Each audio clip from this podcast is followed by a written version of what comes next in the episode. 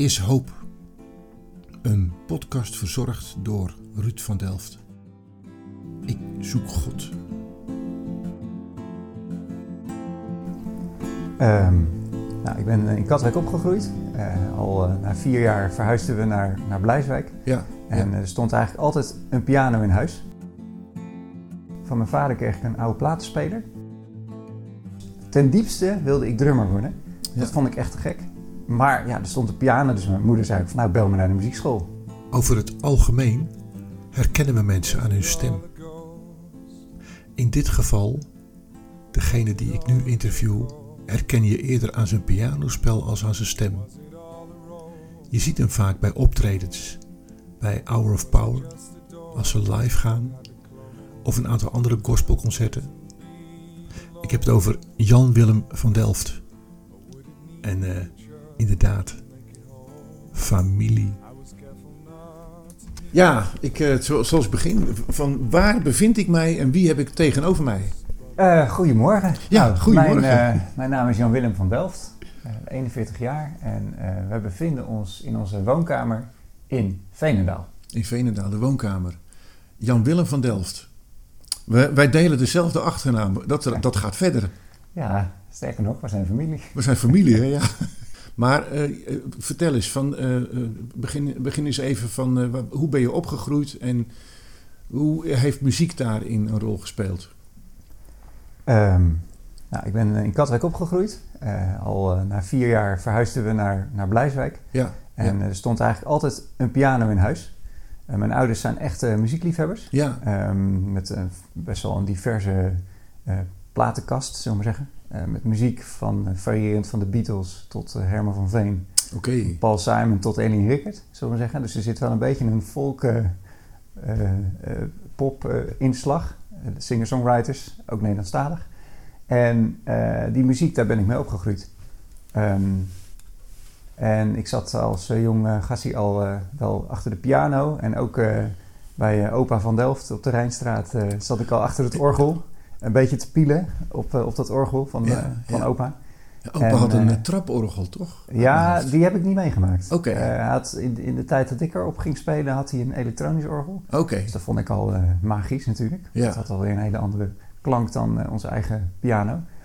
Van mijn vader kreeg ik een oude platenspeler met singeltjes. Want ja, mijn vader is dus een blauwe maandag DJ geweest. En eh, die had singeltjes en eh, die, ja, die mocht ik eh, op mijn kamer hebben. En dan ging ik luisteren naar Exception en naar de Beatles en Sloop John B. En nou, echt van Oh. alles. Eh, Ik kwam echt soms ook hele beetje van die obscure muziek soms ook. Maar Ja. ook wel ja, de bekende hits, zeg maar. maar dat zijn hits van eigenlijk van voor jouw tijd waar je mee... Ja, eh, Boudewijn de Groot. ja, Ja, ja. daar ben ik dus mee opgegroeid met die muziek. En ik ging dat draaien zelf en dat vond ik heel gaaf. En ik eh, bouwde dan een, eh, een, een dozen drumstel op mijn bed. En dan ging ik met twee pollepels mee drummen. Dus ten diepste wilde ik drummer worden. Ja. Dat vond ik echt te gek. Maar ja, er stond een piano, dus mijn moeder zei van... nou, bel me naar de muziekschool. Kijk maar wat je ervoor nodig hebt om eh, drumles. Nou, het bleek je dus eigenlijk gewoon in een vrijstaand huis te moeten wonen met een studio. Want ja, dat drumstel moest ergens kwijt. En dat ging dus eh, niet lukken helaas. Nee. Dus eh, met een desillusie rijker eh, ben ik toen op pianoles gegaan bij mevrouw de Ruiter. En, en daar heb ik ja, de, de, de beginselen geleerd. Het is een vrij klassieke, traditionele pianolerares. Maar ja, ik heb wel, zonder haar had ik het nooit geleerd. Ja, klassiek. Leg dat eens ja, klassiek, gewoon de, de, de oude boekjes, folkdien. En zij was helemaal fan van ragtime muziek. Ik niet. Maar ja, ik ging dat toch spelen. En dan ging ik toch een beetje swingend spelen. was dan eigenlijk niet de bedoeling. En ik had al heel vroeg een voorliefde voor de jazz en de bluesmuziek. Voor de lichte muziek. Ja, En op een gegeven moment kwam zij erachter, joh, dat is voor jou niet eh, weggelegd. De, dat, kan ik, dat kan ik jou niet leren, dat bedoel ik. Dus eh, ik ben toen eh, geswitcht van lerares. En dat was een, ook een klassieke docente met een achtergrond van het conservatorium in Rotterdam. En zij begreep veel meer dat ik dus die lichte kant op wilde. En zij heeft mij ook eh, voorbereid op, het, eh, op de haven voor muziek en dans, een auditie eh, die ik kon doen. Want op een gegeven moment zei mijn vader in de eerste klas van... joh, hey, ik heb een foldertje van de haven voor muziek en dans bij me. De haven voor muziek en dans. de HAVO voor muziek Ja. en dans. Ja, ja, wij woonden natuurlijk onder de rook van Rotterdam, Ja, maar ook onder de rook van Den Haag. En er waren op beide conservatoria waren dus vooropleidingen mogelijk, voordat je naar de hogeschool ging. En dat was dus de HAVO voor muziek en dans. En daar kon je dus een, een HAVO-pakket van HAVO-opleiding doen met dans of muziekvakken. Maar die voorbereiding, uh, dat zat wel binnen de rijkwijde van jouw uh, pianolerares, denk ik dan. Die kon dat wel, zeg ja, maar. Ja, zij kon mij op, op een goed niveau voorbereiden. Ja. Op, op, op zo'n voorbereiding. Dus je moet dan naar, werk je naar zo'n auditie toe. Dus zij wist ook wel van, nou, dan moet je ongeveer dit en dit en dit kunnen. Een aantal ja. klassieke stukken, een paar jazzstukken. Een beetje improviseren. Nou, en dat, dat toch wel? Ja, ook een klein Dus je mocht ook iets met je ragtime... Ja, nou, dat, die, die stijl heeft me nooit helemaal bekoord. Okay. Uh, dus uh, ik was echt wel meer van de swing en van de jazz. En, ja. uh, en, en, de vrijheid in de improvisatie. Kijk, zonder ragtime was ook geen... zonder, ja, ragtime was jazz ook niet... Ze zijn overlappend Ja, het heeft allemaal elkaar. met elkaar te maken. Ja, ja. Zonder klassiek geen jazz. Zo werkt het ook. Maar de, de, jouw, jouw pianolerares neigt, neigde, zeg maar, naar klassiek. Als het aan haar zou gelegen hebben, dan had je een soort even knie van uh, Wibi Suriadi kunnen zijn of niet? Of, uh... ja, ik, ik weet het niet. Kijk, nee. zij heeft gewoon uh, binnen haar mogelijkheden er alles aan gedaan om ja. mij op te leiden. En, en, we deden ook wel jazz en blues boekjes. maar zij had gewoon zelf misschien de know-how niet. En, en nee. op dat moment de kennis niet. En misschien ook wel niet ja, de liefde voor die muziek. Dus ja, dan, had het en, en jij kreeg dus voor de HAVO voor, voor muziek, zeg maar... kreeg jij dus een foldertje in handen geduwd... Ja. Klik was het. Ja, mijn vader kwam daarmee thuis. Hij zegt, ja. misschien is dat wel wat voor jou. Ja, en dat zie ik nog steeds als een van de, de beste momenten. Het is het belangrijkste foldertje in jouw leven. Nou, het beste, een van de beste momenten uit de opvoeding van mijn ouders. Dat, dat, heeft er wel echt voor gezorgd dat ik, als ik zie waar ik nu ben, zonder die HAVO was ik er waarschijnlijk niet gekomen. Nee, maar dan, dan praat je over HAVO-normen zoals die zeg maar door de wetgeving opgelegd wordt. En daarbovenop nog eens muziek. Ja, ja, dus ik had natuurlijk de, de CITO gedaan in groep 8. En ja. uh, daar, basis daarvan was ik naar de eerste klas gegaan op een gewone normale middelbare school. Uh, en ja, ik had daar trouwens niet naar mijn zin. Maar goed, dat terzijde. Uh, en ik had een HAVO-advies van, van 1 naar 2. Ja. En dat zorgde ervoor dat ik dus ook op die school terecht kwam. Maar ik moest ook auditie doen. Auditie? Ja, en, en toevallig heb ik pas um, nog een, een, nieuwe cd opgestuurd naar mijn oude leraar van de HAVO voor muziek en dans. En die ging terugmailen, die ging reageren op die cd. Zegt, uh, nou, hij vond het hartstikke mooi. En um, uh, hij refereerde nog aan dat moment dat hij mij voor het eerst uh, hoorde op die auditie. Hij zei, ja, en toen, nou, dat zei hij, hè, zijn zijn woorden, dat de talenten dus vanaf spatten, zei hij. En dat hij dat dus nog weer, hij wist zelfs nog wat ik had gespeeld. Ja, zo. en dat, dat vond ik wel wonderlijk. Ja. Vond ik wel bijzonder. Dat hij en zo'n goed geheugen had, maar dat het blijkbaar ook wel was blijven hangen. En soms twijfel je wel eens aan je eigen van ja, is het nou allemaal wel zo bijzonder? En, uh, en op het moment dat ja, je dat op die manier terugkrijgt, op een manier die ik nog nooit eerder van hem had gehoord, dat, uh, dat raakte me wel. Oh, oké. Okay. Uh, en, en de lerares van de eerste pianoles? Die, heb je die, nog wel eens ik daarna nog wel eens gesproken. Ja, ja ze ging zelf op een gegeven moment klarinet spelen toen we nog wel samen wat opgetreden. Oké. Okay. Ja, dus dat was wel heel ja. leuk om haar weer te ontmoeten. Ja, een pupil van haar die, die dit doet, want die ja. heb je je beroep van gemaakt uiteindelijk. Ja, dat klopt. Ja. Dat vond ze ook heel erg leuk. En de, de ragtime is eigenlijk een beetje toen de tijd uh, zeg maar, uh, verder gestroomd naar uh, jazz. Mm -hmm. Hoe is die periode gegaan? Nou ja, toen ik op, de op de haven van muziek en dans terecht kwam, toen was mijn leraar, dus waar ik het over had, Walter Bertram, die, die op de HAVO les, pianoles gaf, die was zelf ook helemaal in de, in de jazz. Dus we hadden direct een connectie okay, en een klik. Dus wat hij tof vond, vond ik ook te gek. En, en zo heb ik echt uh, op, een, op een nieuw niveau jazz leren spelen. Daar heb ja. ik het eigenlijk pas echt geleerd. Daar heb je het echt geleerd. Ja, dus dat was ook letterlijk een vooropleiding voor het conservatorium. Ja. ja. Nou, uh, nou ga ik even heel kort door de bocht, maar uh, je leert hier niet een schroef in de muur boren, zeg maar, of een, hm. een gat in de muur boren. Nee. je doet een soort luxe opleiding voor vermaak van je gehoor, zeg maar. Ga ik dan te kort de bocht of hoe, hoe, hoe werkt dat bij jou? oh, ja, het is al redelijk kort de bocht. Maar dat is ook wel leuk aan een interview. Um, nou ja, net als wat Bach zei, muziek heeft twee wezenlijke doelen. Ten eerste tot eer en glorie van God. En ten tweede om het gemoed te ja. laven. En uh, tot, tot, tot uh, um, uh, tot het, nou, ik kom even niet op het woord. Maar om het, ja, om het gemoed nou, tegemoet ja, te komen. Ja, ja. De Soli Deo Gloria is Ja, dat is, dat, dat is één. Ja. ja. Ja. En uh, de tweede is, nou, ik kom even niet op het woord. Maar, um, en dat, uh, uh, Ja, dat is voor mij zo'n belangrijke credo eigenlijk, Ja, ja. in mijn leven. Ik merk echt, van, dat, dat, is, dat is waarom ik het doe. Dus Ja. om anderen... eh, Ik merk, ik merk gewoon dat de muziek is echt een taal van de ziel. En die gaat...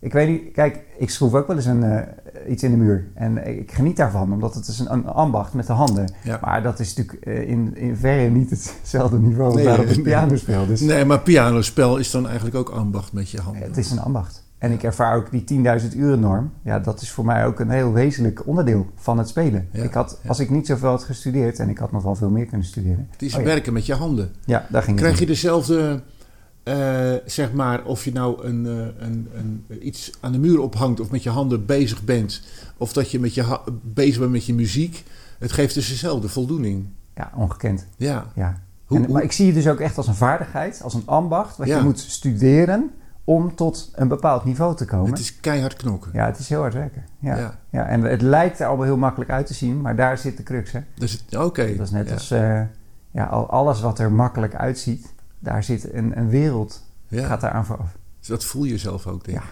natuurlijk. Oh, oké. Ja, ja eh, mooi. Hey, dan, dan een gegeven moment ontdek je van nou, ik ga hier mijn beroep van maken. En nou, nou, nou ga ik doorzetten.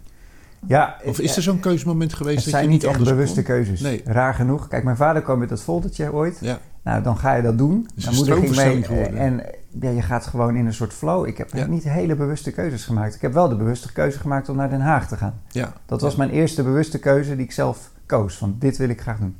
En vanaf dat moment, ja, ik zeg ook steeds altijd maar van ja, ik, ik kan ook niks anders. Dit is, Dus dit is mijn, eh, mijn roeping. hier sta ik, ik kan niet anders. Wie is dat ook weer? Ja.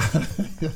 Je bent niet de eerste in de geschiedenis die er zo eh, inderdaad voor stond. En eh, dus je geeft, zie je...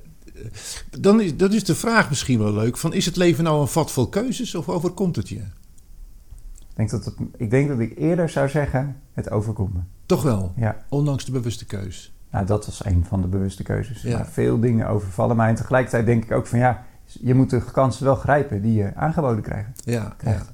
Ik ging bijvoorbeeld, toen ik in de eerste zat van het conservatorium, lag er een foldertje, weer een foldertje, bij mijn ouders op de, in de keuken, eh, Black Gospel workshop zingen. Eh, Black Gospel workshop van Edith Kastelein. ja. Twee dagen keihard repeteren met een koor. eh, en dan de derde dag eh, rep- eh, een eh, ehm, eh, eh, uitvoering, Ja. concert.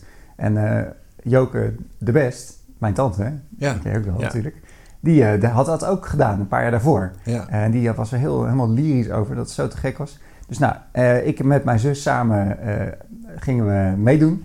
En ehm, eerst nog met een auto vol solisten, omdat ik in die tijd ook zang studeerde, dachten we wel van, nou, dan kunnen we misschien kijken of we wel een solo kunnen krijgen. Dus ik ging een solo zingen, dat werd natuurlijk niks. En mijn zus, die ging ook een solo zingen. En ik ging haar begeleiden bij de dirigenten. Toen zei ze, jij krijgt de solo tegen mijn zus. En jij, jij speelt best aardig piano, maar het klinkt niet als Black Gospel. En toen stoten ze me van de kruk. Zo klinkt Black Gospel. Dus toen kreeg ik eh, de Black Gospel muziek om de oren. En toen mocht ik een liedje meespelen tijdens dat concert.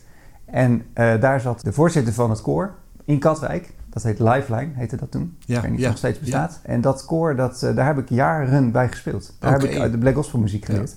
Eh, en dat had natuurlijk een hele nauwe verwantschap met de jazz en de blues, die ik ook op conservatorium leerde. Dus dit was een fantastische stage voor mij.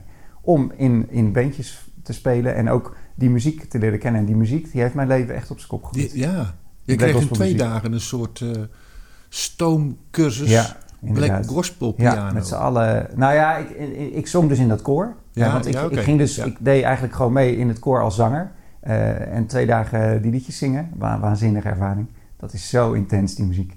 De boodschap, de, ri- de ritmiek, de harmonieën, alles komt bij elkaar. Het evangelie. En, en, en daarna ben ik in zo'n koor gaan spelen als pianist. En dat was, dat was voor mij ook, heeft ook een... Maar dat bedoel ik ook te zeggen van, die, die kansen moet je wel pakken. Ja. En dan, je weet nooit wat eruit komt. Nee, Dus ik ging erheen als zanger en ik kwam eruit als pianist. pianist, ja. ja. ja, het kan gekker, maar het is erg bijzonder. Ja, precies. Ja. is allemaal heel raar. Maar goed, dat was voor mij wel... En dat heeft ook weer heel veel deuren geopend. Ja, Het spelen in dat koor. En dan heb ik weer andere muzikanten leren kennen... waar ik nog steeds mee samenwerk. ja. Ja. Dit is nu echt wel een enorm netwerk waar je je in, eh, Ja. in Ja, terugvindt als ja. het ware. Nou, dat, gaat ook, dat, dat groeit met de jaren. Dat, dat, ook dat kun je niet van tevoren allemaal voorzien. Dat de eerste keer dat je met iemand samenspeelt... hoe lang je elkaar nog eh, zal blijven tegenkomen. En wat voor dingen je allemaal samen gaat maken. Ja, het maken, dat is wel ook een...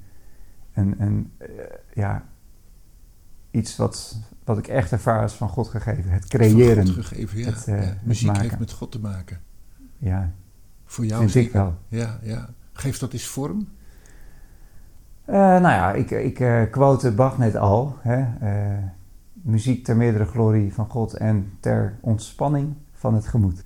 En geeft het dus vorm. Ja, ik ben gelovig opgevoed. Dus voor mij is het misschien een soort van zelfsprekendheid dat God dan bestaat. Dat, hè, je kan, eh, als je niet gelovig wordt- bent opgevoed, dan is het niet per, se, per, per definitie vanzelfsprekend dat er iets, een hogere macht of iets dergelijks Ja, is. ja. En dat was voor mij wel. Je opvoeding Ehm, was hier cruciaal in. ja, gereformeerd opgevoed. En ik, eh, maar ik heb, uiteindelijk moet je toch zelf een keuze maken. Ik merkte toch dat God mezelf in mijn nekvel greep op een bepaald moment. Op verschillende momenten. Ja, ja. Eh, en, en ja, En dan hebben we het niet alleen over de piano. Dus dat eh, nee, nee, maar het ging wel door de muziek. Ja, Ja. Het is wel door de muziek gegaan. ja, ja. Als de, de, de, de Jood behoort eh, zijn gebeden te zingen, dan denk jij dat klopt. Mm, Ter ondersteuning van een aantal toetsen wil ik dat alleen nog maar eh, verder zien te laten groeien. mooi. Ja. Ja, Ja, dus ja, ik, ik ervaar wel dat... eh, de, de eerste keer dat, dat me dat overkwam was toen ik eh 16 was. Op een notabene een ronduit preesavond in Zoetermeer, in de, in de PWA-hal. Toen ging ik heen met een vriend, die ging, kwam uit de hervormde kerk. ja. En ik kom natuurlijk uit de gereformeerde kerk. Nou ja, en, eh, de hervormde kerk deden ze wat meer van die evangelische-achtige dingen. Oké, Ja, ja. de gere- gereformeerde kerk was meer van, eh, van het Flavor Festival. Die oh, ja. Oh, oké, Dus fiets. zeg maar, je had ja. uh, hervormde kerk, dat was meer opwekking en... eh, en, eh, en, en, en ja, daar zat duidelijk verschil tussen. nou, ik ervaar dat verschil wel als Ja. groot, ja. Dat doe jij als muzikant. Ja, geinig. hè? Dus, eh, ja, dat vind ik bijzonder. ja, Er zit ergens toch een soort onderstroming die ik dan blijkbaar als, eh, als houthakker niet in de gaten heb. Dat die muziek een hele eigen interpretatie eh losweekt. ja, ja. Ja, dus ik, dus ik ging... eh, ja, dat klopt, ja. Ik ging mee met die, met die vriend en eh, ja, het was vanaf het begin af aan meteen al... Het overspoelde me. Ik kon er niks Ja. aan doen. Ja, dat weekend, daar ging je als... als nou, het was als- niet een weekend, het was eigenlijk gewoon nee, een avond. Ja, Jij preesavond, ging daar als, als bezoeker. Ja, ik ging gewoon heen. Gewoon als, als bezoeker. Dat zijn cruciale avonden geweest. Dat is net zo cruciaal als dat foldertje, zeg maar, zo'n moment. Ja, ja, er zijn wel van dat soort momenten, ja. Ja, en die weet je dan toch te bewoorden. Dat nou ja, dat, dat is zo'n omslag geweest. Ja, Dat, dat je ervaart iets van, van de hemel. Iets, zoiets fysieks ook. Eh, het, iets wat over je heen komt. Een soort Ja. warme deken. Eh, de hele avond alleen maar huilen. Ja, ik kon, ik kon er niks aan doen. Het, Ja. het, kwam, het gebeurde gewoon. Eh, ze noemen het een, vanwege de muziek of de ontmoeting? de of- combinatie. hoe zit dat dan? Ja, Maar- geef het een naam. Ja, dat, eh, ja, jij bent muzikant. Ja. Nou, ik weet ook niet meer precies wat er allemaal gespeeld werd. Eh, wel wel één, één lied wat toen heel erg bekend was. Dat was dat lied Bron van Levend Water. Dat was toen Ja. volgens mij net in of zo. Ja, of net bekend. Dan hebben we het dus over 1997, 96, 95, zoiets. Ja, dat is Ehm, ongeveer. ja, het geinige was dat het ook nog op tv kwam. Toen werd het ook nog gefilmd. En dan had je een pauze en wij stonden eerst boven en in de pauze ging naar beneden. En toen stond er opeens een camera voor mijn neus. Oké, ja. Zeg, wat, ehm, ja, hoe ervaar jij het geloof eigenlijk? En toen dacht ik, oké, ja, het is, het is me allemaal net overkomen. Zeg Ja. maar. Dus ik weet niet meer wat, precies wat ik gezegd heb, maar ik weet wel dat ik eh, later erover aangesproken werd op, op school. Van, hé, hey, ik heb jou gezien. Ja, ja. Ja, zeg- Cruciale momenten zeg zijn maar dat. eh, ja. Hey, de, de, de, de, en dan komt er toch een moment dat je niet alleen, zeg maar, ja, je was al bezig er je beroep van te maken, zeg maar. Maar, eh, nou ja, je hebt best wel landelijke bekendheid gekregen, maar daarmee ook wel landelijke verantwoordelijkheid. Van, eh, ja, je muziek, die, die moet mensen helpen om, om die beleving die jij had, die moet je dan zien over te dragen. Krijg jij het voor elkaar om de emoties bij jou zelf zo min mogelijk eh, te laten zien, maar in het publiek neer te leggen? Wat is jouw geheim? Dat is een mooie vraag. Ehm, ik denk daar ook wel over na. Ik merk dat. het- daar is ook niet een, een, een eenduidig antwoord op te geven. Maar het belangrijkste, denk ik, hoe ik het ervaar, is als je je ambacht zo goed uitvoert. Dus zorg dat, het, dat je daar controle over hebt. En dat je de muziek de muziek kan laten zijn. Ja, dan, dan gaat bij wijze van spreken de rest vanzelf. Maar ik heb ook wel gemerkt dat als ik toch geëmotioneerd raak op het moment zelf, dat ook dat iets kan doen. Ja, ja. Dus ja, in dat opzicht ehm, moeten we het ook niet heel ingewikkeld maken. Uh, ik, ik, ik doe gewoon mijn stinkende best. En nou ja, God doet de rest. Dat klinkt een beetje goedkoop, maar zo ervaar ik het wel. Verras je jezelf wel eens? Um,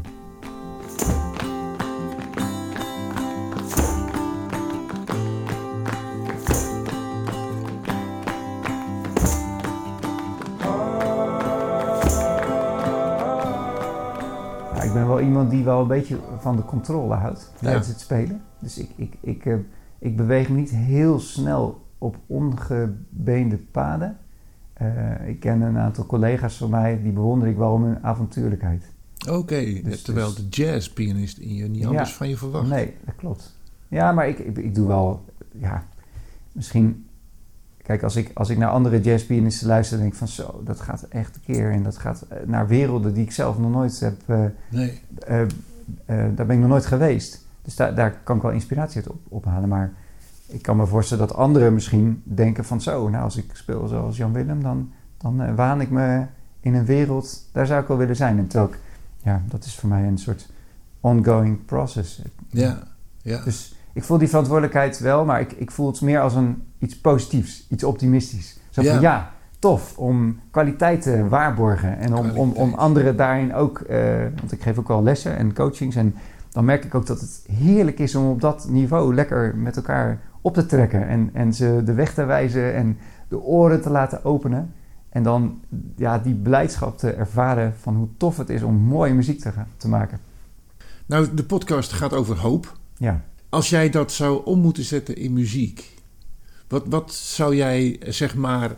Uh, wat komt er als eerste bij je boven, meneer gevoelige ziel? Hm. Van dit is voor mij hoop. Dit, dit, dit is hoe ik eigenlijk ook het niet alleen voor mezelf wil houden. Hoop is niet iets voor jezelf. Dat is om te delen, zeg maar, om iemand mee te nemen. Wat voor muziekstuk komt er dan bij je boven? Uh, een, van, een van mijn favoriete hymns, want ik ben wel echt een hymn freak, ja, ja, uh, is een hymn die eigenlijk nog niet zo oud is. Want wij denken bij hymns meteen aan 1800, eh, 1900. Uh, John Wesley. Ja, ja. En, of John Newton natuurlijk eigenlijk. En, um, en, en die, dat is een lied van Stuart Townsend, Townsend en Keith Getty. Dat is een waanzinnig schrijversduo. Die hebben heel veel bekende hymns geschreven, uit moderne hymns. Maar een beetje in de lijn van vroeger. Um, en dat is In Christ Alone. En daar komt eigenlijk het hele verhaal van begin tot het eind, uh, het evangelie komt, komt daar langs. En dat vind ik zo'n waanzinnige tekst in combinatie met die melodie. Ja, dat is, dat is een lied waar ik mijn ziel en zaligheid in kwijt kan.